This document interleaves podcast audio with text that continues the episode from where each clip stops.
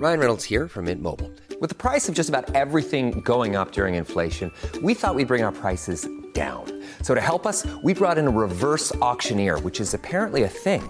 Mint Mobile unlimited premium wireless. Ready to get 30, 30, bit to get 30, bit to get 20, 20, 20, bit to get 20, 20, bit to get 15, 15, 15, 15 just 15 bucks a month. So, Give it a try at mintmobile.com slash switch. $45 upfront for three months plus taxes and fees. Promo rate for new customers for limited time. Unlimited more than 40 gigabytes per month. Slows. Full terms at mintmobile.com. Det som er viktig, er bevisste fødsler. At kvinner som skal inn i fødsel, er bevisst på at de har valg og muligheter og rettigheter, og at de føler seg støttet og respektert underveis.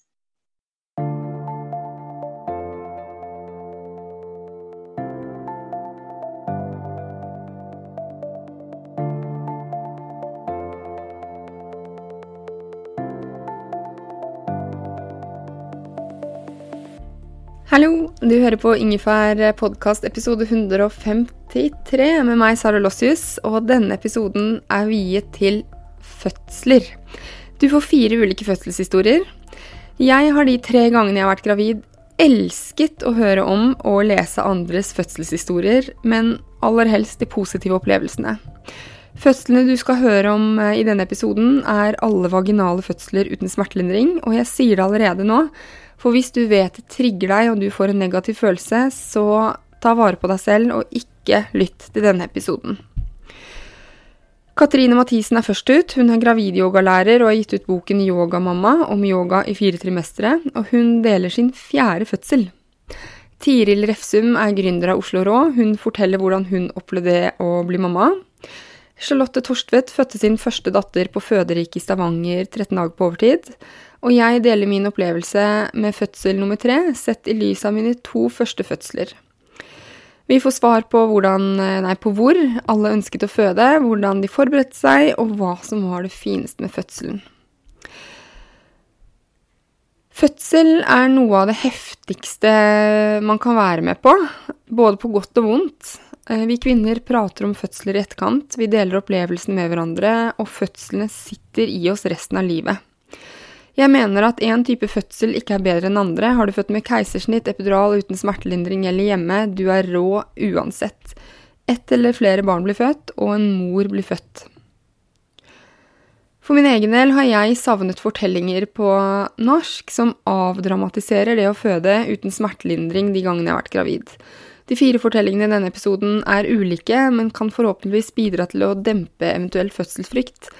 Samme hva slags fødsel du ønsker eller ender opp med, unner jeg deg å velge ut fra lyst og kunnskap, ikke fra frykt. Personlig mener jeg det at eh, å forberede seg til fødsel er kjempenyttig. Det er jo noe vi kvinner alltid har gjort, dette å føde, men jeg tenker at det ikke er et argument for å bare la det stå til. Vi har løpt lengre strekninger alltid også, men vi trener jo også opp systematisk for å løpe et halvmaraton. Da fødselsfotograf Eva Rose, som jeg anbefaler å følge på Instagram, gjestet Lindbo, sa hun at vordende mødre bruker timevis på å researche ny barnevogn, men at de heller kunne brukt den tiden på å forberede seg på fødsel.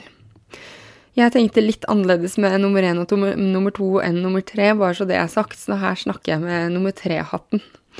Og som dere hører, er det ulike forberedelser eh, til fødsel i denne episoden.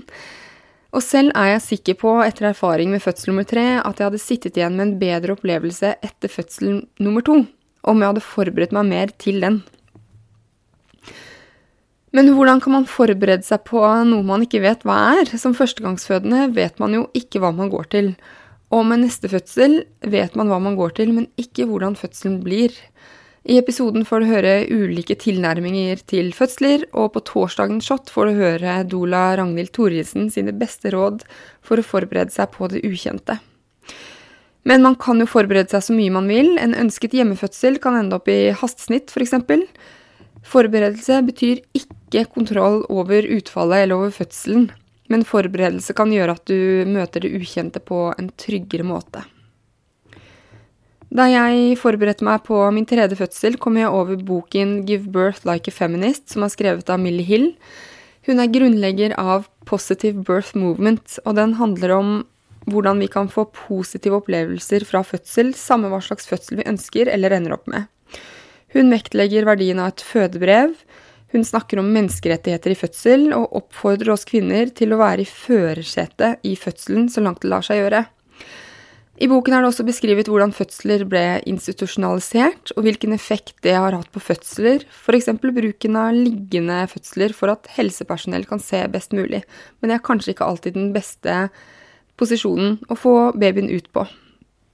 Det er en veldig interessant og veldig viktig, og for meg uvurderlig bok i forberedelsen til siste fødsel. Den finnes ikke på norsk, men den er lettlest på engelsk, og ønsker du å høre et intervju med forfatteren Millie Hill, så snakker hun og Deliciously Ella om fødsel i episoden 'Changing the Birth Narrative' i podkasten til Deliciously Ella. Så takket være denne boken turte jeg å stå på mitt i min siste fødsel, og sitter igjen med følelse at det var den råeste og fineste fødselen ever. Men et lite men før vi hører Katrine sin eh, historie. De fire historiene jeg deler, er jo alle fra hvite middelklassekvinner uten, så vidt meg bekjent, sykdommer eller traumer. De, eller vi, har hatt mulighet til å føde på ABC, f.eks., hvor ikke alle får lov til å føde, og de har vært heldige som fikk gjennomføre fødsel som ønsket. Det er det ikke alle som får. Jeg har et prosjekt i ermet som skal få frem mange andre gravide og fødehistorier fra flere samfunnsland, kropper, aldre og kulturelle bakgrunner. Og det tror jeg er viktig å få frem. Men først ut er altså Katrine Mathisen. Hun er yogalærer og holder kurs for gravide. Sjekk henne ut på yogamamma.no. Hun fødte sitt fjerde barn, Maud, på ABC-klinikken i desember, og for dere som ikke vet, så er ABC en avdeling på Ullevål hvor man føder uten smertelindring. Kanskje bare en nål i panna, den funker ikke så bra for meg. Man må søke om å føde der og bli godkjent, og rommene er større enn på vanlig Ullevål, ettersom jeg husker. Og så blir man fulgt opp av en fast jordmor regelmessig før fødsel. ABC står dessverre i fare for å få tilbudet sitt kuttet ned på, og det har jeg sterkt imot. Over til Katrine. Så fødsel nummer fire, hvordan er det du forberedte deg til denne fødselen når du har hatt eh, tre fødsler før? Eller jeg syns egentlig at eh, alle graviditeter og alle fødsler har vært eh, veldig ulike. Eh, og har trengt eh, egentlig litt forskjellig type forberedelse. Og jeg har også kommet på litt sånn ulikt sted i forhold til min reise som mamma. Eh, og har kunnet gi ulike ting så det som var viktigst eh, for meg nå, det var en, eh, en fast, en daglig eh, praksis. Som begynte etter at jeg hadde fått de tre andre barna av gårde på morgenen. Så gikk jeg opp på loftet hvor, et, hvor jeg har et yogarom. Og så hadde jeg en god sånn halvannen times praksis. Og den besto av en eh, sånn liten seremoni først, hvor jeg tente fire lys. Ett for hvert av de fire barna mine. Tre av de ute i verden, og den siste fortsatt i maven. Og jeg tror det at jeg hver morgen tente disse fire lysene og virkelig tenkte på de, visualiserte de, kjente de i hjertet, det tror jeg hjalp meg veldig eh, til å forberede meg til å bli mamma for fire. Og romme hun siste som en del av flokken. Eh, og så gikk jeg videre med litt rolige pusteøvelser og meditasjon. Og så gjorde jeg en fysisk praksis på tre kvarter omtrent. Mm. Og den varierte veldig eh, fra dag til dag, litt avhengig av hvordan jeg følte meg. Men generelt så var det veldig sånn fritt det var lite sånn som man vil kjenne yoga asana. Det var liksom ikke en serie eller trikonasana eller en trekant her og en bro der. Og det var veldig mye frie, dynamiske bevegelser, nesten som dans. Og ellers veldig rolig, eh, alltid med en god hvil til slutt. Mm. I tillegg så, så hvilte jeg eh, en gang i løpet av dagen hver dag. Litt avhengig av hvor lang tid jeg hadde. Men jeg tok Mela opp i sengen, som jeg egentlig ikke får lov til hjemme. Eh, snek henne inn under teppet.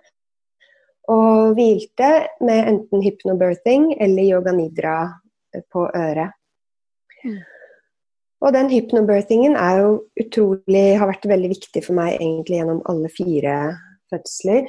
Hjulpet meg ned, langt ned, eh, dypt i meg, på et veldig sånn stille og rolig og sterkt sted, eh, hvor, som er et godt sted å føde fra. Langt dypt nedi i maven, eller i hjertet, ikke oppi hodet. Så, så hypnobirthing, altså bare for å, hvis du kan forklare det kort? Ja, det er egentlig selvhypnose. Eh, hvor man som er eh, fokusert på å bidra til å gi en god fødselsopplevelse. Så det er eh, Man lytter til Det er veldig viktig å prøve litt forskjellig, for det er viktig å finne noen som som treffer deg i forhold til stemme og språk og Noen er veldig sånn nøkterne og sånn, og noen er litt mer sånn hippie-spirituelle. Du må finne egentlig de som snakker til deg på ditt nivå. Eh, og så er det ofte en guidet avspenning etterfulgt av en visualisering av fødselen og ispedd en del sånn positivt selvsnakk affirmasjoner. Så eh, når du på en måte altså, Når du kommer til fødsel, så betyr det at du på et vis allerede har vært der litt i hodet ditt? Ja, helt riktig. Mm. Det er akkurat det. At du så eh, Ved hver fødsel, når jeg har merket at fødselen har startet, så har jeg lyttet til den samme hypnobirthingen som jeg har slappet av med gjennom hele graviditeten. Og egentlig kommer veldig dypt ned i et sånt eh, rolig, avslappet sted. Ofte da i bilen på vei inn til ABC, hvor jeg er født. Uh, og egentlig liksom ikke husker noe særlig av sånn parkering og innsjekk og alt det der, men går litt sånn dypt ned med en gang og, og tar det videre derfra. Fordi da, akkurat som du sier, så kjenner jeg kjenner igjen det stedet. Jeg vet hvor jeg skal. Jeg har vært der før. Mm. Det, det er lett for meg å komme dit. Men fødsel nummer fire, du valgte ABC igjen, fordi altså, du har jo gitt ut eh, en bok som jeg har brukt og lest, og der er vel de to foregående her i London, og så er det to på ABC, ikke sant? Eh, to på ABC Eller? og én i London. Mm. Ja. Så ja. Så når, eh, når, du kom inn nå, og Maud skulle bli født, eh, var det noe som overrasket deg i den fødselen her, sammenlignet med de andre? Uh, ja, altså uh, Det har vært veldig ulike fødsler, samtidig som hovedmønsteret har vært veldig likt. Uh, F.eks. når vannet først er gått, så kommer babyen veldig fort. Det var også derfor, da jeg kom inn på, på ABC onsdag 11.12., så hadde vannet gått, men jeg hadde ikke rier. Og vanligvis så får man ikke da komme inn på vanlige fødeavdelinger, eh, og ikke heller ABC, men det var veldig stille. De hadde ingen fødende der. og jeg sa dette er fjerde fødsel. Erfaringsmessig når vannet er gått, så kommer babyen fort. Så jeg tror ikke det er lang tid. Så lot de meg komme inn. Eh, og da det var egentlig ganske deilig å ikke komme inn i aktiv fødsel. Jeg kom inn, vannet hadde gått, men jeg var eh, egentlig Jeg kunne bruke litt tid på å innrette meg på fødestuen der. Så da rullet jeg ut matten, skrudde alle lys, eh, satte på de levende De levende lys, men de er sånn som flikker som ser litt ut som levende lys. Satte på musikken min egentlig omorganiserte rommet til å bli den liksom fødehulen som jeg ønsket. Så hadde jeg hele teamet mitt eh, på plass. Erik, mannen min, var der. Ragnhild, hun som var min doula, var der. Så hadde jeg også med en fotograf denne gangen. Eva Rose, og hun er også doula. Så det var på en måte en hel liten gjeng, samtidig som jordmoren selvfølgelig på ABC var der. Så jeg gikk på matten og begynte med denne praksisen, som jeg også har helt innunder huden. Og følte at det var en sånn slags dans hvor jeg inviterte riene inn. Og gleden og lettelsen og takknemligheten var derfor utrolig stor når jeg kjente at riene begynte å bygge seg opp. Mm. Og ja, det var en, en, helt fantastisk fødsel jeg hadde med Maud. Eh, og jeg tror den største grunnen til det var at det var helt Jeg var, hadde absolutt ikke noe frykt i noe ledd. Jeg var ikke redd for noen ting. Og ønsket, følte meg veldig sånn åpen i kropp og sinn og ønsket alt velkomment. Eh, også de sterkere opplevelsene av rier. Så jeg, det, jeg, var veldig mye sånn Når jeg kjente at riene kom, så var jeg veldig sånn Yes, der er du. Kom igjen, bring it on. Dette kan jeg tåle. Jeg kan ta mer. Mm. Kom igjen. Og det, det gikk jo så fort. Jeg kom inn klokken ett, og Maud kom klokken fire. Jeg kom jo inn uten rier og brukte de to første timene i en sånn veldig sånn organisk yogadans på matten, hvor riene bygget seg opp. Og i den overgangsfasen hvor man ofte går fra sånn rundt 7 til 10 cm full åpning, mm. så lå jeg på sengen og pustet meg gjennom. Det var ikke mer enn sånn 15-20 rier. Men fordi jeg ikke var sånn Nei, å, nå blir det vondt, nå blir det verre. Å, hjelp! Men var bare sånn Jeg husker jeg sa til eh, Erik og Ragnhild på et tidspunkt, det var kanskje bare et par rier før hun faktisk kom.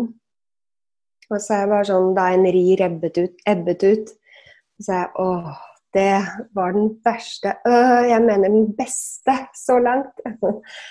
Jeg visste jo at riene måtte komme opp på et nivå hvor det var utrolig heftig og intenst før babyen min kunne komme. Hvis riene bare holder seg på et sånt nivå hvor det er liksom greit, hvor du kan styre det, du kan prate, du kan Da kommer det aldri til å skje noe. Babyen kommer ikke til å komme. Så vi vet jo at for at vi skal kunne møte barnet vårt, så må det må komme opp på et nivå hvor vi føler at vi nesten ikke holder det ut. Vi nesten ikke klarer det, men vi vet jo at vi gjør det. Og da gjelder det bare å finne de teknikkene hvor man jobber med mm. den prosessen på. Fordi, men hvordan Altså, det fins jo garantert, eller det finnes mange ulike måter å jobbe med det, men vil du si at det virker som den beste teknikken din er rett og slett å ikke møte det med frykt, om jeg tolker deg rett? Absolutt. Uh, og jeg hadde også jobbet ganske mye i forkant med å redefinere smerte. For vondt og smerte har jo bare negative assosiasjoner i vårt samfunn så er vi overhodet ikke vant til å sitte med smerte. Vi medisinerer det bort med en gang. Så vi har ikke noe trening i det. Og vi er vant til å assosiere når vi har det vondt, så er vi syke, og det er farlig. Og vi kan kanskje dø. Det er liksom den assosiasjonsrekken som jeg tenker at ligger ganske sånn langt fremme hos de fleste. Men det å venne seg til den tanken på at det må gjøre vondt for at det skal kunne skje noe, og at den smerten ikke er farlig. Og istedenfor å bruke ordet smerte når vi snakker om det tenker på det, at vi heller tenker på det som heftig, intens, sterkt. At det er opplevelser som kan karakteriseres med andre ord. Fordi det er jo ikke sånn Jeg tror alle vi som er født, kan være enige om at det er det er veldig heftig. Eh, og jeg tror på ærlighet. Jeg tror på å forberede kvinner best mulig på dette. Men det er en forskjell på å si det gjør dritvondt, og si det er sikkert lurt å forberede deg på at dette er heftigere og sterkere enn noe annet du har opplevd noen gang. Mm. Det er litt annerledes. Ja, altså språket former jo verden vår. For vi Veldig. ser jo og snakker om verden gjennom eh, hvilke ord vi bruker. Så hvis man bruker ordet smertefullt, altså alt med det, så blir det, mm. eh, så blir det jo farligere enn hvis man bruker ordene heftig. For det er jo, det er jo heftig. Men jeg vil Veldig. si at det er, det er, jo helt rått. Mm. Men hva, hva, var det fineste med fødselen med, med Maud? Å, det må være den eh, helt sånn magiske stemningen det var der. Det var helt mørkt ute, bare litt sånn lavt lyst inne. Vi var ganske mange i rommet, fire, fem, seks, da hun til slutt kom i vann. Eh, men det var helt stille. Det var veldig lite prating. Det var litt latter, masse smil. Alle tok godt vare på hverandre. Min doula var utrolig sånn service-minded i forhold til jordmødrene og støttet de deres arbeid. Erik, eh, mannen min, han sa senere at han følte at han hadde vært med på en sånn samling, en sånn tribal gathering av wise women, som han sa. Det var akkurat den følelsen jeg hadde. At, eh, og, og, jeg føler egentlig det er sånn det skal være. Jeg unner virkelig åh, så mye av hele mitt hjerte andre kvinner å få den opplevelsen av at du er holdt, støttet, akseptert når man raver rundt der naken med rier og går på sengen og raver over i badekaret, og de animalistiske lydene som kommer. Og der, man er jo en helt vill og vakker og rå versjon av seg selv.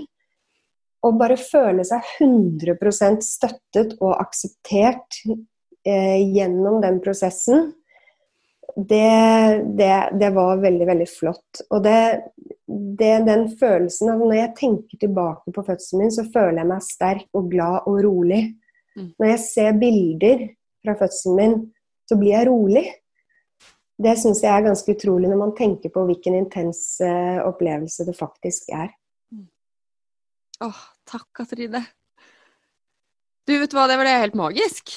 Jeg fikk, lyst, jeg, jeg fikk lyst, på Jeg sa det til uh, Jon oppe i stad. Uh, at, at, at, jeg har lyst til å gi Lisen et søsken, sånn at de kan leke. For hun er jo, det er jo fire og seks år mellom til Lisen. Ja. Men det er jo Hva var responsen? never in my lifetime, tror jeg han sa. Okay. Og så gikk han ut av badet. nei, ja, nei tre, tre, tre, er nok for oss. men ja. Jeg, jeg, men jeg er sånn glad for det at eh, selv om min siste fødsel tok lang tid, og, og, jeg har sikkert en del å jobbe med når det gjelder hofteåpning og følelser og alt sånt der, men, og, og, det skal jeg gjøre. Men, men, jeg er så glad for at uh, min siste fødsel ble sånn at faen så heldig du er som skal føde. Mm. Ikke sånn, Jeg er så glad jeg aldri skal gjøre det igjen. Nei. Det er ikke der. Jeg er sånn åh, jeg kunne gjort det igjen. Ja. Mm. Det ligger så mye potensial i fødsler for kvinner. Mm. Eh, så lenge Og jeg tenker at eh, alle fødsels... Jeg snakker med ganske mange gravide eller kvinner som nettopp har født, og de aller fleste har en veldig god opplevelse av fødselen sin, fordi de sitter igjen med et resultat som er så fantastisk. Mm. Så er det også veldig viktig å snakke mye om fødselen sin, fordi det er så intens. Det er viktig å bearbeide alt som har skjedd, så det ikke bobler innvendig og blir til traumer over tid. Mm. Og så tenker jeg Det siste jeg ønsker å si, er dette med eh, at vi prøver å støtte kvinner gjennom bevisste fødsler. Og det behøver ikke å være en ABC-fødsel, det behøver ikke å være en yogafødsel, hva, det, hva enn det nå er. Det behøver ikke å være en hjemmefødsel eller en keisersnitt for den saks skyld. Det er ingen spesiell type fødsel. Vi har gått litt bort fra egentlig å snakke om naturlige fødsler. Alle fødsler er naturlige. Og det er veldig viktig at kvinner ikke snakker om fødsel på en måte som føles ekskluderende og polariserende. Det som er viktig, er bevisste fødsler. At kvinner som skal inn i fødsel, er bevisst på at de har valg og muligheter og rettigheter, og at de føler seg støttet og respektert underveis. As a person with a very deep voice, I'm hired all the time for advertising campaigns. But a deep voice doesn't sell B2B, and advertising on the wrong platform doesn't sell B2B either. That's why, if you're a B2B marketer, you should use LinkedIn ads. LinkedIn has the targeting capabilities to help you reach the world's largest professional audience. That's right, over 70 million decision makers all in one place. All the big wigs, then medium wigs, also small wigs who are on the path to becoming big wigs.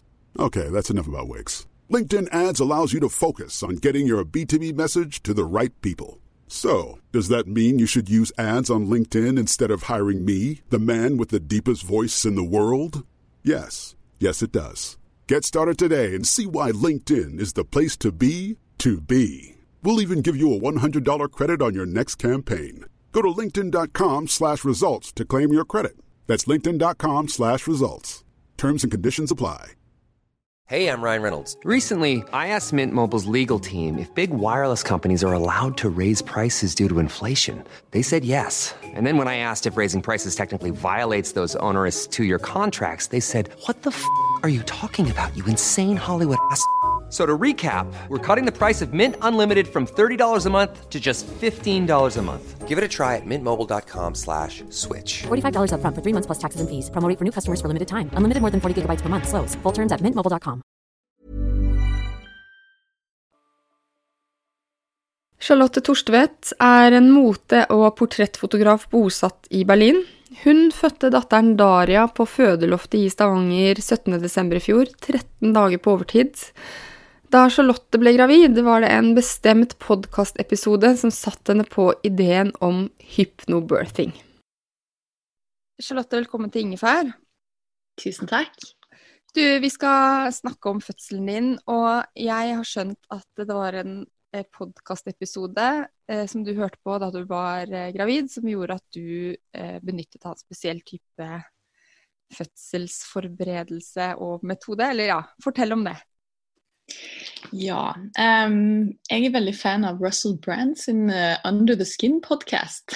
Og uh, jeg tror jeg nesten har hørt alle episodene. Jeg syns han har veldig spennende gjester. Og, uh, men det var en venninne av meg som anbefalte meg akkurat denne episoden, der han har Catherine Graves på besøk. Og hun er um, ja, gründeren av hypnobirthing, kan man vel si.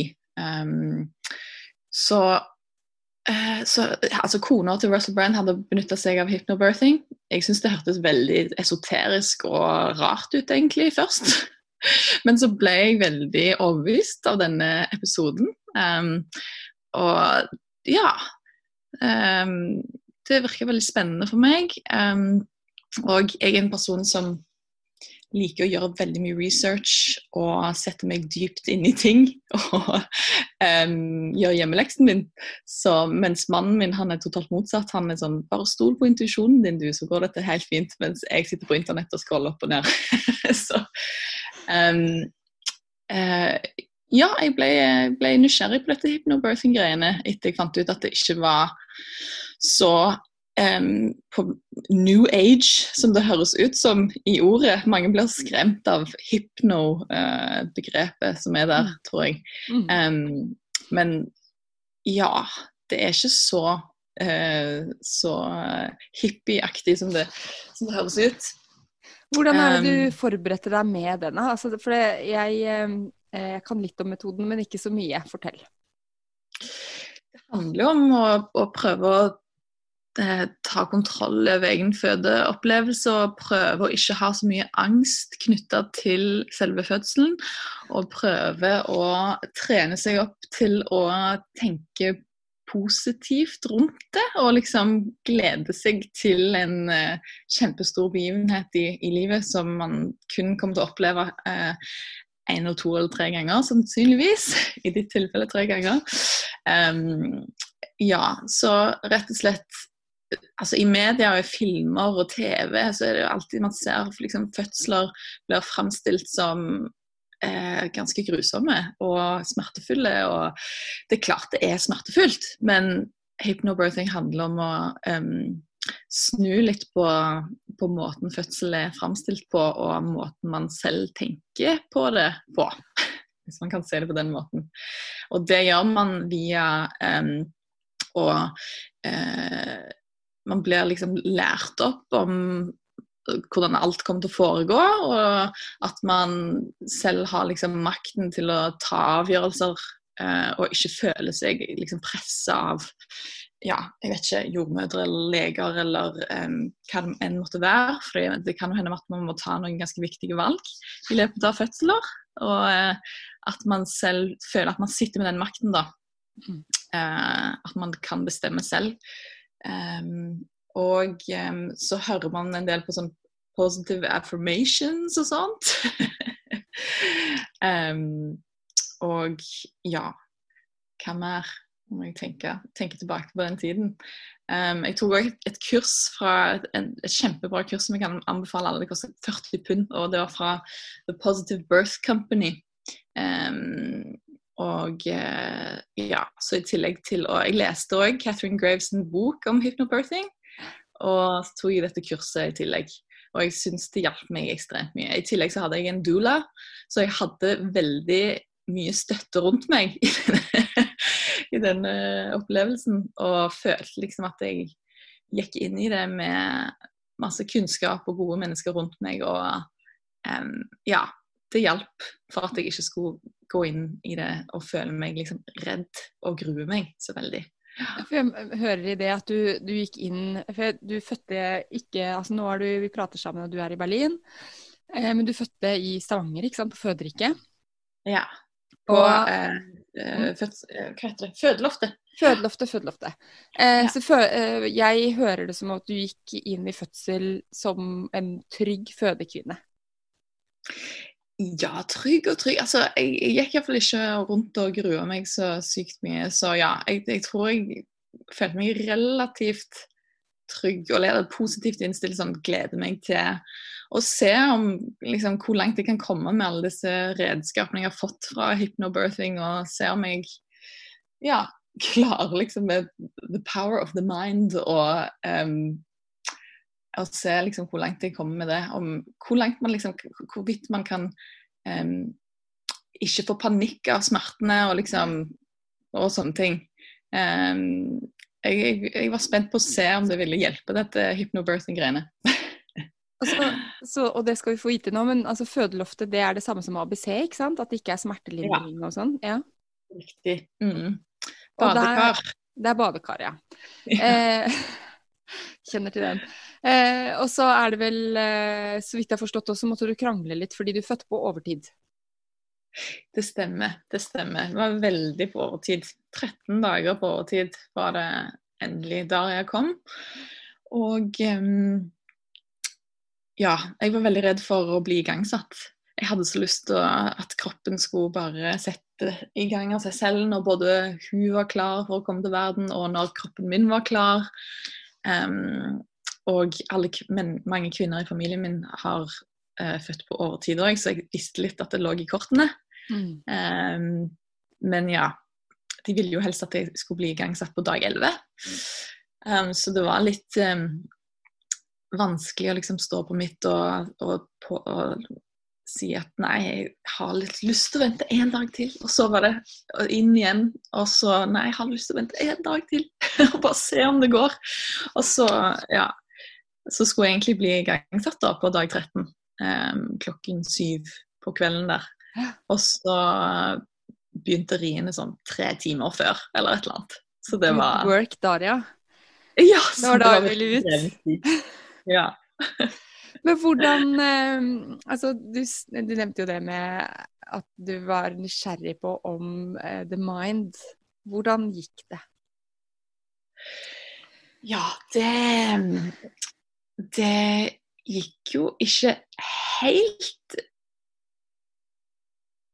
altså jeg gir hypnobirthing mye av æren at jeg liksom kom inn og jeg, jeg var spent på å liksom få dette i gang. Jeg var jo langt på overtid òg, så det hadde jo sikkert òg noe med saken å gjøre. Jeg var veldig klar for å møte datteren vår. Um, men jeg var liksom ikke sånn redd for fødselen. Jeg var liksom klar for å få dette gjort. Um, men så gikk det utrolig fort, uh, og det var ekstremt intenst. Så de riene var sykt heftige. Eh, og de, det var stormrier, egentlig. Um, uten så mye pause imellom. Kanskje 20 sekunder, og det gikk fra 0 til 100 bare på et blunk. Så det var liksom ikke den der oppbygningen der du kan puste deg gjennom det. og uh, De pusteteknikkene mine røyk ganske fort ut vinduet. og ble erstatta med et urhyl som ble hørt av halve Stavanger, tror jeg. Um, og ja, det var liksom den eneste måten jeg kunne komme meg gjennom de smertene, var å hyle. Uh, og først så jeg, jeg, var i badekaret på dette tidspunktet, og um, Dulan ga meg et godt tips av at jeg, jeg, ikke, jeg, måtte ikke hyle så veldig sånn i høyt register. For jeg, det holdt jeg på med. Ja, først så var det sånn Åh! Og hun bare Nei, kom igjen, ta det ned et par toner. så, så kjenner du virkelig den kraften liksom i den når du slipper ut de lydene. Så da gjorde jeg det, og det hørtes jo enda sykere ut. Det hørtes jo ut djevelutdrivelse, nærmest. Men um, det, er det var det eneste jeg kunne gjøre for å komme meg gjennom de smertene. Mm. Um, så heldigvis så gikk det fort, da. Det var fort og intenst. Vi begynte med de pusteteknikkene, men ja, etter det så måtte jeg bare komme meg gjennom det.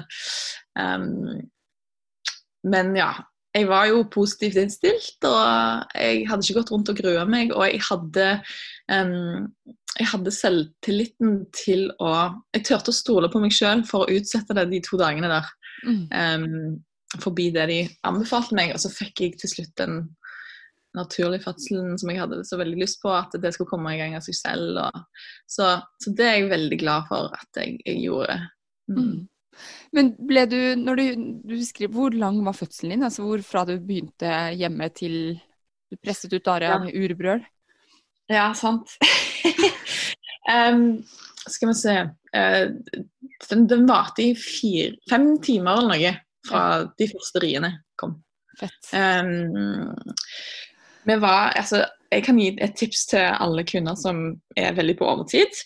Um, 13 dager på overtid så gikk vi oss en tur for å prøve å sette i gang fødselen naturlig. Altså, jeg gjorde alt jeg kunne for å sette den i gang naturlig. Jeg spiste dadler, jeg tok akupunktur, jeg gikk tur hver dag. Vi gjorde en sånn um, dans hver morgen som, som, man kan finne på YouTube hvis du søker på uh, 'Labor Dance in Indian Hospital'. Uh, da kommer den dansen opp som er en kjempemorsom twerkedans som liksom jeg skal være bra for å sette i gang fødsler og sånt. Så jeg gjorde liksom alt. Alle de forskjellige tingene man kan gjøre for å sette i gang fødsel naturlig. Og så gikk vi denne siste turen. Så kom vi over noen husker um, og bestemte oss for å uh, ja, prøve det òg. Så jeg husker for harde livet. Og da røyk vannet, når jeg husker. Gjorde det på huska, rett og slett? ja. Og så eh, spurte jeg Duland hva jeg burde gjøre, og hun sa bare fortsett å gå tur, og, og liksom, fordi riene må jo begynne òg eh, for at eh, fødselen skal komme ordentlig i gang.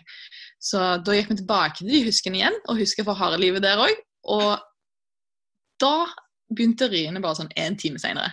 Så jeg tror at husker det er en veldig undervurdert igangsettingsteknikk. Skulle hatt det på sykehus òg, si. Hæ? De skulle hatt noen sånne på uten, utsiden av eh, ja. Eller i rommene, eller noe sånt. Ja, ja, faktisk. Mm. faktisk. Så um, det kan hende at det var derfor jeg fikk en så utrolig kjapp og intens fødsel òg. Fordi at jeg husker sånn virkelig på harde livet sånn i horisontal stilling mens jeg var ja, høygravid på dag 13 på overtid her. Men, Kanskje det, når, eh, når, altså Du sier at det var så heftig. ikke sant? Eh, jeg har sånne utrolig trege fødsler, så jeg vet ikke hva det betyr. Men eh, ble du redd noen gang under når det var så heftig at du ikke greide å puste? Eller greide du å slippe frykten for smerten? Ja um, Altså, jeg syns det var veldig overveldende på et tidspunkt. Um, og da spurte jeg om epidural. Men da var det altfor seint. Ja. Da var det allerede syv centimeter, og da var det sånn innen vi kom oss ned på sykehuset, så er babyen ute. Ja. Og det er visst en veldig vanlig ting at, at på et tidspunkt eh, i liksom aktiv fødsel at folk tenker sånn Nei, nå klarer jeg ikke mer. Um, så jeg tror det var det punktet for meg. Um, men etter det, etter, etter, de sa sånn Nei, det, nå kommer babyen snart, liksom. Det, vi rekker ikke å ta epidural. Da, da liksom aksepterte jeg de smertene mer. Ja. Da var det bare sånn OK. Og det, en, det er en stor del av hypnobirthing òg. At du ikke skal kjempe mot smertene, men du skal liksom bare flyte med det på en måte og akseptere det og um, tenke at nå jobber kroppen min hardt mot et eh, veldig fint mål. Og nå må vi bare la kroppen gjøre sin greie. Selv om det føles veldig vondt, så blir det bare enda verre hvis man stritter imot og liksom Ja. Så da, etter det punktet, så klarte jeg å liksom akseptere det litt mer. Og, og da følte jeg at det gikk veldig fort etter det òg. Mm. Hva var det fineste med fødselen, da? Det fineste var altså etterpå, når hun hadde kommet ut, så um, så oppe på fødeloftet der så er det ganske nydelig. Ass. Det er utsikt over byen. Og det var liksom en veldig stille natt i desember der. Og man kunne liksom se alle lysene. Og det var liksom sånn utrolig fredelig og stille etter hun kom ut. Så fikk vi overnatta der. Og så ja, sov vi meg og kjæresten min og og den nye babyen mellom oss med liksom den fine utsikten. Det var bare så utrolig fredelig etter den ekstreme, heftige fødselsopplevelsen. Mm. Så det var liksom Ja, det var, det var veldig et nydelig øyeblikk etterpå. Men så begynte jo selvfølgelig det harde arbeidet med barselstiden ganske brått på etterpå. Mm. Så, men jeg syns det, det, var et øyeblikk jeg aldri kommer til å glemme. Ass rett etterpå. Mm. Det hørtes fantastisk ut. Hvis du har ett ja. råd til um, en gravid kvinne nå, eller noen som ønsker uh, barn eller ønsker å føde, hva ville det, hva ville det vært? Altså, jeg vil anbefale hypnobirthing. Jeg syns det hjalp meg veldig. Og jeg har anbefalt det til andre folk som har eh, som eh, er gravide nå. Um, jeg vil anbefale det til alle, egentlig. Jeg synes, For meg så hjalp det veldig å komme i riktig liksom, sinnstilstand og føle meg tryggere. Og um, ja, opplyse, meg rundt liksom, hele temaet fødsel. Jeg syns det gjør meg iallfall tryggere. Um, sånn som jeg sa, nevnte, mannen min han er helt motsatt. Han liker bare å stole på intuisjonen og ja. Men hvis du skal sette deg inn i ting, så kan du liksom like så gjøre det på en positiv måte. Fylle hjernen, med positive ting. Og det er egentlig det hypnobirthing handler veldig mye om. At liksom ikke Prøv å ikke skremme deg sjøl for mye, og prøv å ikke gå rundt og grue seg, men virkelig bare eh, se det positive i, i det hele. Mm. Ja, det er fint. Det er sant, det. Det er jo noe av det største vi opplever, samme hvordan fødselen er. Eh, så er det jo et mysterium at man bare presser ut eh, et menneske gjennom tissen sin. Eller at det kommer ut gjennom magen. Det er også like sprøtt. Altså, det, er, det er helt fantastisk. Ja. Og jeg må si at det, altså, alt kan jo skje i en fødsel. Mm. Så det kan jo òg høres irriterende ut hvis man, man, får liksom en traumatisk opplevelse eller et eller annet. At uh, folk sier sånn 'Å, bare tenk positivt, så går det bra'. Og det er absolutt ikke det jeg prøver å si heller. Men um, ja. Jeg tror det kanskje, det kanskje skader å, å, liksom, å, fylle hjernen med positive ting i dagene før. Og um, det er mye kjekkere enn å gå rundt og grue seg. Mm. Alt kan jo skje, selvfølgelig, men det kan man heller ta så det kommer. Mm. um, man trenger ikke å gjøre liksom, saken være for seg sjøl med å eh, høre på liksom, uh, skremselspropaganda og sånt, og, og, vanskelige fødselshistorier og sånt. Det kan være litt Det prøvde jeg å unngå. Mm. Og eh, i dagene før fødselen fordi ja, jeg ville heller prøve å holde det positivt, så positivt som mulig. Ja. Det tror jeg er lurt. Men Charlotte, tusen takk for at du ville være med og dele uh, i kort form, egentlig, historien din på ingefær. Jo, takk. Jeg prøvde å korte det ned så godt som mulig.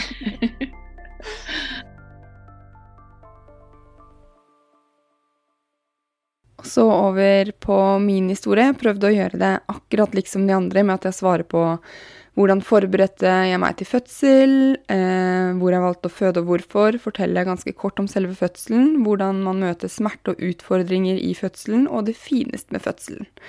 Så 10. november i fjor ble jeg mamma til jente nummer tre, lille Lisen. Det endte med å bli en perfekt fødsel, men veien fra vannet gikk til Lisen lå på brystet mitt, var eh, ikke så lett. Siden jeg har født to ganger før, så vet jeg hva jeg går til, men man vet jo aldri hvordan en fødsel blir. Og jeg har også fått høre av flere jordmødre at fødsel nummer, nummer tre er en liten luring. Jeg valgte å føde på ABC for tredje gang. Helst skulle jeg egentlig født hjemme, men siden jeg bor på Nesodden, så, um, så syns jeg det er for langt inn til Oslo. Men hadde jeg bodd i Oslo, så hadde jeg nok valgt en hjemmefødsel.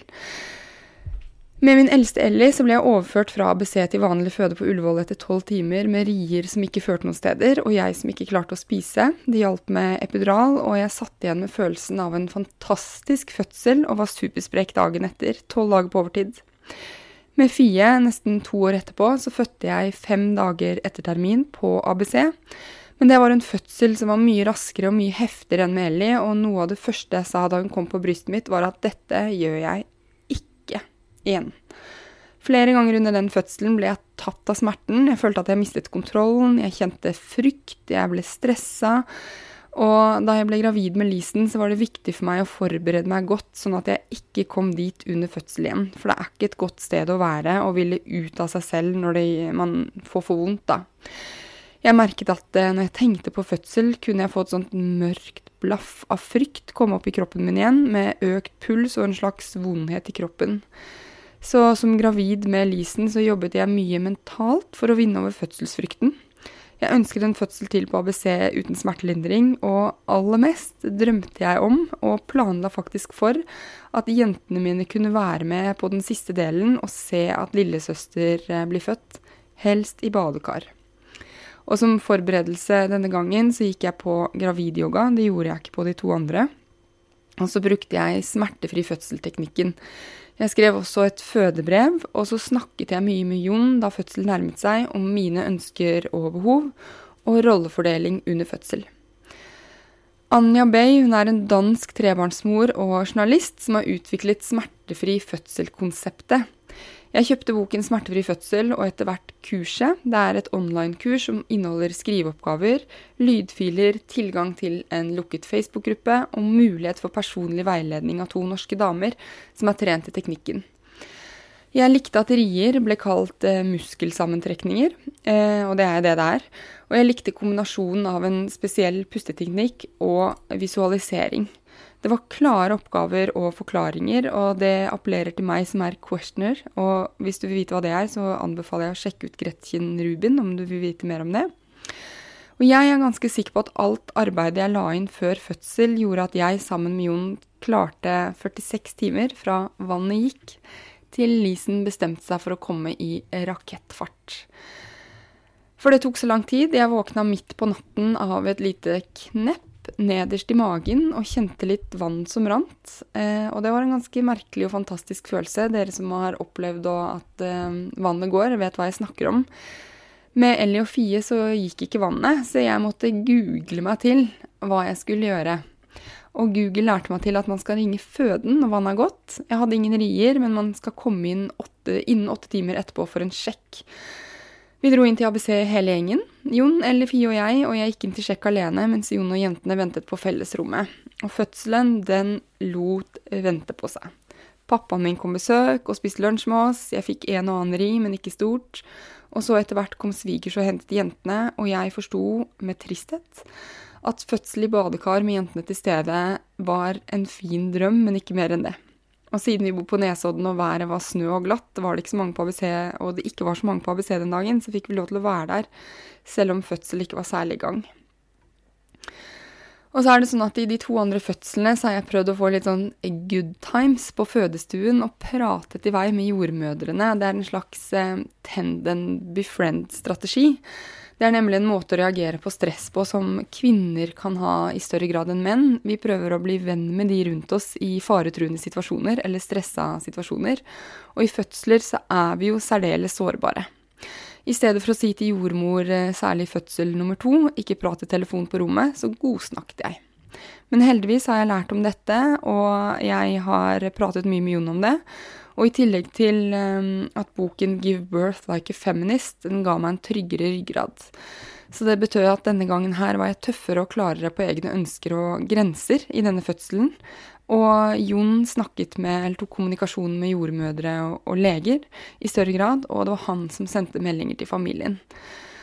Så jeg tenkte bare istedenfor å si eh, fødselen min, så kan vi få høre hva han sendte ut til besteforeldre. Og legg merke til tidspunkt, for jeg er god i fødsler til Eller hva skal jeg si, god og god. Jeg bruker lang tid på å føde, da. Så fredag klokken 22.24, da kom vi jo inn på ABC om morgenen, og nå var klokken halv elleve. Eh, vi hadde håpet på mer action etter middag på Sagene, men den gang ei. Kun sporadiske rier uten fast rytme. Sara er lei, men har det bra. Og så var det en hel natt hvor vi lå i sengen på ABC, og jeg eh, hadde ujevnlige rier, men ikke sånn veldig kraftige. Og som dere hørte fra Katrine Mathisen, så må riene må bygge seg opp for at det skal bli noe. Og det visste jeg jo, og det skjedde ikke. Så klokken 07.22 lørdag morgen skrev han God morgen, fortsatt ingen lillesøster, har jevnt rier, men ikke ofte nok, og de øker ikke. Hvis ting ikke kommer i gang av seg selv, blir det satt i gang, og da havner vi på føde A eller B. Sara er ved godt mot, men innser at det kanskje går mot hjelp. Og så, etter hvert, så kom vi over på føde eh, B eller A, jeg husker ikke helt. Eh, og der var jeg på fellesrom i åtte timer. Eh, og da begynte det å ta seg opp. Jeg var på fellesrom fordi der er det mer sånn Føderommene blir ledige, og så kommer man inn når det er ledig. Og det var ganske trøkk denne dagen på vanlig fødende. Så klokken halv fem så, så skriver han eh, endelig undersøkt av jordmor på føde A, 3-4 cm åpning. Jordmor strippet i håp om at det holder for å få ting i gang. Vi utsetter modningspiller litt, og hvis fødsel kommer i gang, kan vi komme tilbake på ABC. Sara ved godt mot. Eh, og så var det da halvannen time senere, så skriver han tilbake på ABC, ting er i gang, regelmessig rier etter 7 cm. Sara går rundt på rommet vi startet på. Og da var klokka seks, og så klokken midnatt. Og her kan jeg si at her har jeg vært noen timer i kjelleren. Eh, I det dypeste kjellerdypet, egentlig. Klokken er 23.57. Jon skriver til besteforeldrene sine, eller til besteforeldrene til Lisen. Lillesøster har ennå ikke nådd målet. Som de to storesøstrene sliter hun med å komme seg ned de siste centimeterne. Sara er nå ganske tom. Vi er tilbake på den andre vanlige føden. Venter på anestesilegen fra akutten for å få epidural. Og her ba jeg om keisersnitt. Eh, og jordmoren min, hun sa nei. Hun sa epidural vil gi meg pause, og da sa jeg med ganske store bokstaver at eh, det her er min kropp, jeg holdt på i to døgn, jeg kan alt om de så kanskje negative effektene keisersnitt kan ha. Men, og det her sa jeg vel i enda større bokstaver, nå går du og henter legen for å få meg inn til keisersnitt. Uh, og det her var etter at jeg hadde vært ganske sær med liggestillinger for å få uh, CTG, eller hva det heter. Fordi jeg greide ikke ligge, jeg greide bare å stå på uh, alle fire. Og um, jeg hadde, hva skal jeg si, jeg var en Jeg tenker på meg selv som en vanskelig føde, men jeg var jo bare Tok meg selv veldig på alvor i den situasjonen jeg var i. Takket være boka, faktisk, 'Give Birth Like a Feminist'. Uansett, jordmoren hørte på meg. Hun gikk ut av rommet, og i nesten samme øyeblikk så ble jeg tatt av smerten jeg hadde vært så redd for, og tenkte faen, jeg må skjerpe meg. Og at jeg måtte fokusere på pusten. Og så kjente jeg et slags spark inni magen og, magen, og et veldig press. Og da ropte jeg Jon ganske høyt om hjelp. Og så, 20 minutter etter at han hadde sendt den forrige meldingen om at lillesøster ikke hadde nådd målet, så sendte Jon et bilde av Lisen og skrev 'Lillesøster ville ikke vente på anestesilegen, født 0017'. Sara har det bra. Passe overrasket over at lillesøster plutselig ville ut. Det er det sprøeste jeg har vært med på. Det ble rett og slett en drømmefødsel. Eh, for hvis ikke badekar, så ønsket jeg å føde på alle fire. Uten smertelindring. Og slik ble det. Eh, og det var bare fordi jeg fikk ikke Altså anestesilegen var opptatt med andre kvinner begge gangene jeg ble ført over. Så det var på en måte flaks i uflaks. På fem eh, trykk var Lisen ute. Å føde på alle fire var for meg mye enklere enn eh, liggende på rygg og liggende på siden. Jeg anbefaler det skikkelig. Det er eh, Man får hjelp av man får hjelp av veldig mye. Gravitasjon og magen og i det hele tatt. Det er utrolig fet eh, fødestilling. Eh, jeg brukte pusteteknikken fra smertefri fødsel. Det er en annen type når man er i pressfasen. Og så fikk jeg henne opp eh, på brystet. Så fødsel nummer tre var en luring. Jeg hadde trodd at det skulle gå raskere og ikke nesten to døgn.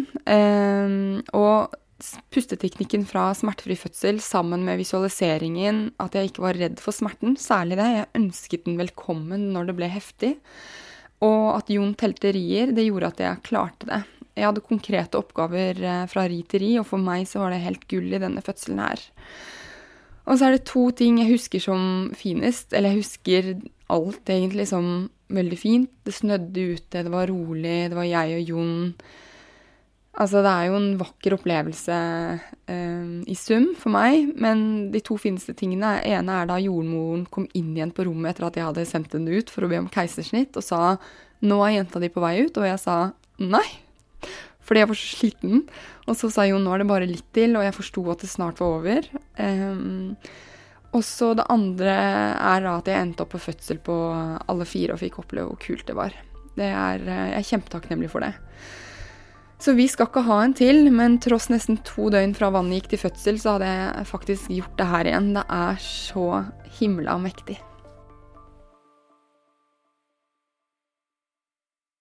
Siste fødselshistorie er eh, Tiril Refsum. Hun ønsket også å føde på ABC-klinikken, og hadde med samme doula som Katrine, nemlig Ragnhild, som vi møter på torsdag. Tiril hadde planlagt masse, med bl.a. spilleliste og mat og diffuser, men alt går jo ikke som planlagt under en fødsel. Hvordan forberedte du deg til fødselen din? Jeg vil si at det er mange år med å bli kjent med meg selv. Jeg, I månedene før så leste jeg ikke bøker, jeg lyttet ikke til podcaster. Jeg gjorde egentlig ingenting annet enn å samle godfølelsen. Og det var jo gjennom kvinner. Det var jo gjennom min doula Ragnhild samtale med Kristoffer. Eh, Female Wellness Mona hjalp meg. Så det ble bare mer en sånn en kontakt med andre damer og min mann som hjalp meg veldig i månedene før. Men jeg gikk aldri inn for sånn nå skal jeg forberede meg til fødselen, nå skal jeg eh, bli klok på alle fasene.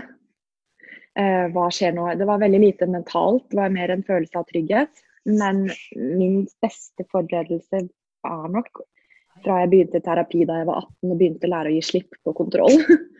og bli kjent med meg selv. Eh, som gjorde at jeg hadde en fantastisk fødsel. Jeg ønsker bare å bekrefte noe i. Beklager. Jeg ønsker bare å bekrefte Jeg ble nervøs for å ikke OK. Ja, kom hit, da. For da tar vi bare pause. Jeg glemte å ta opp her. Ja, men jeg tar det lokalt, herregud. Her er fra begge veier. Jon ville hjelpe til, skjønner du. Ja. Hei, hei. Å ja. Takk, Jon. Takk. Nei. Ha det, da.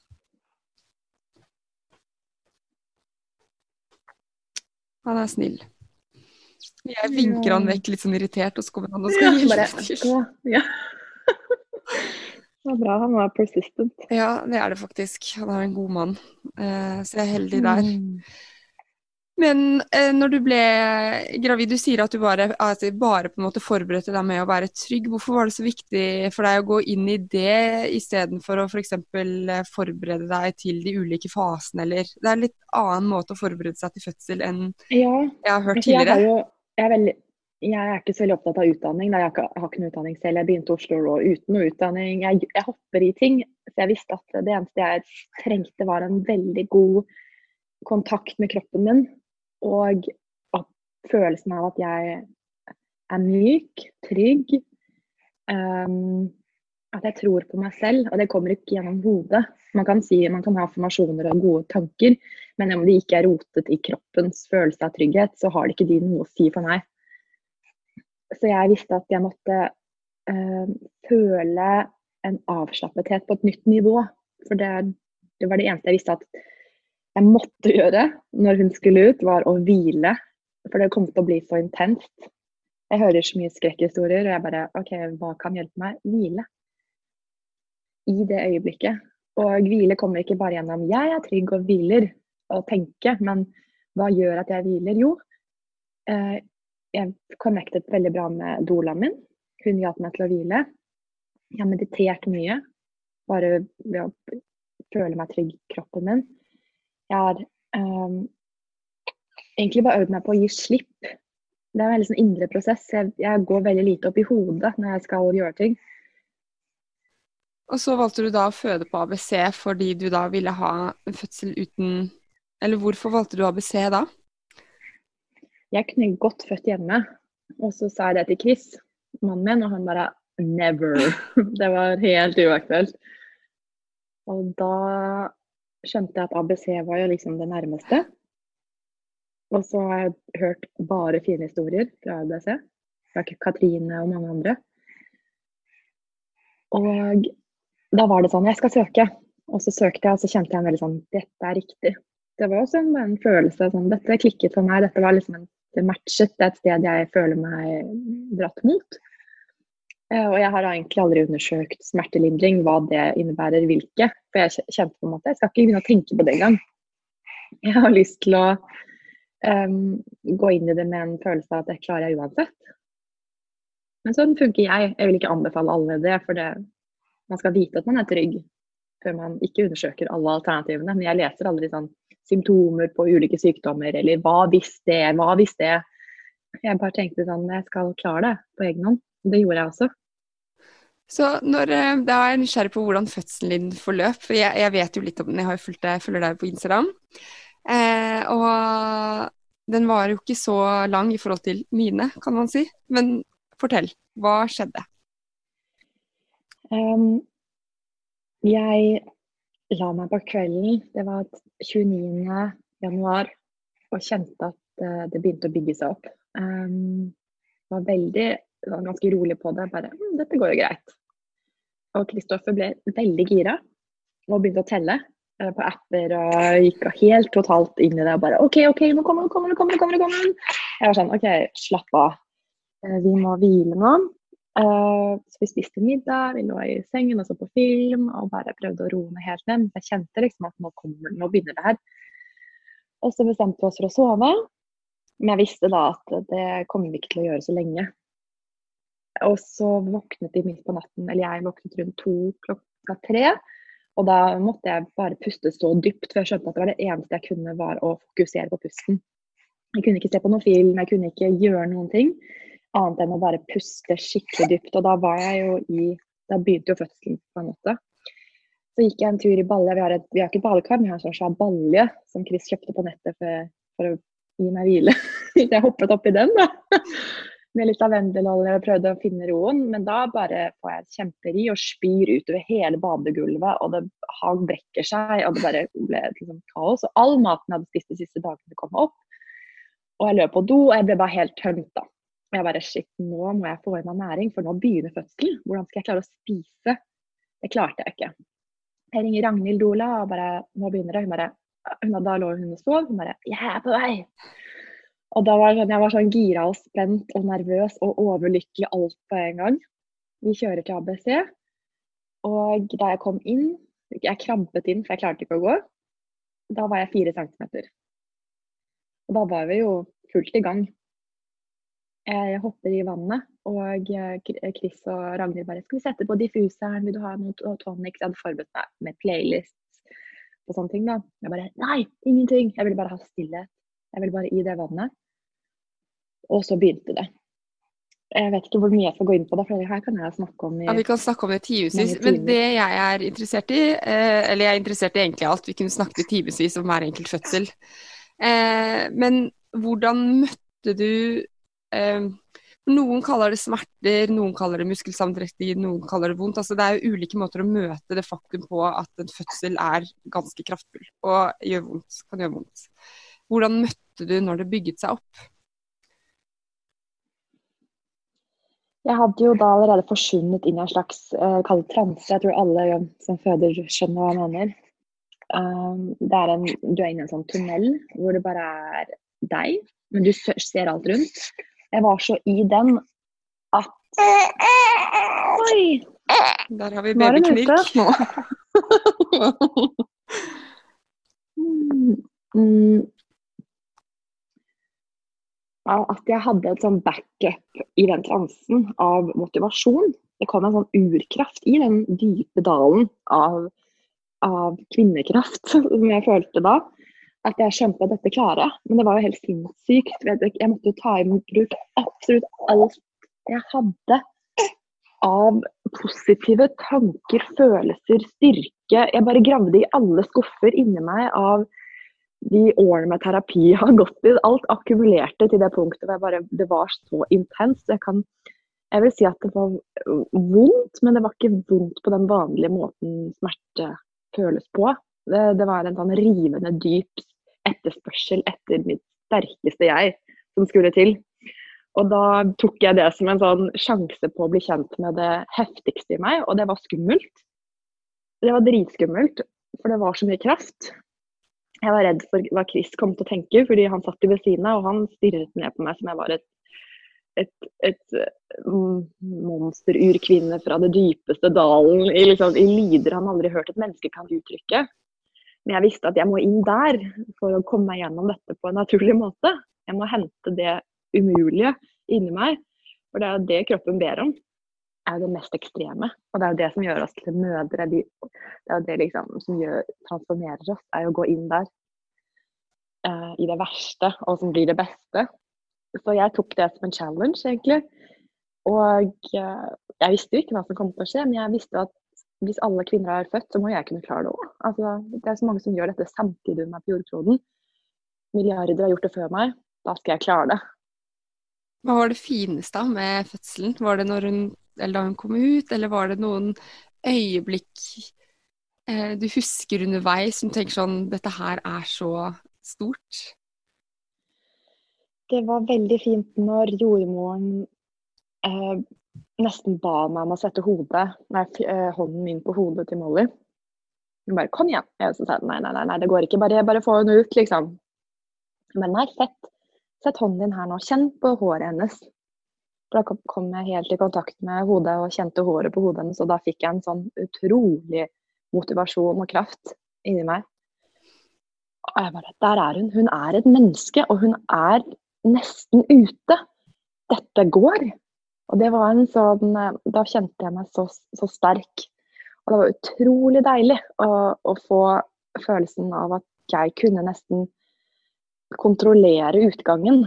Fordi jeg følte henne så godt. Hun har vært så fremmed for meg på mange måter, for jeg har aldri sett henne. Hun har jo vært inni magen min. Hva er det som egentlig ligger der inne? Jeg vet ikke. Så får jeg følelsen av et hode. Og da jobbet jeg og Molly liksom sammen. Sammen med jordmor som, som sa ikke press, press, ikke press, press. Eh, for hun så jo alt fra en annen vinkel.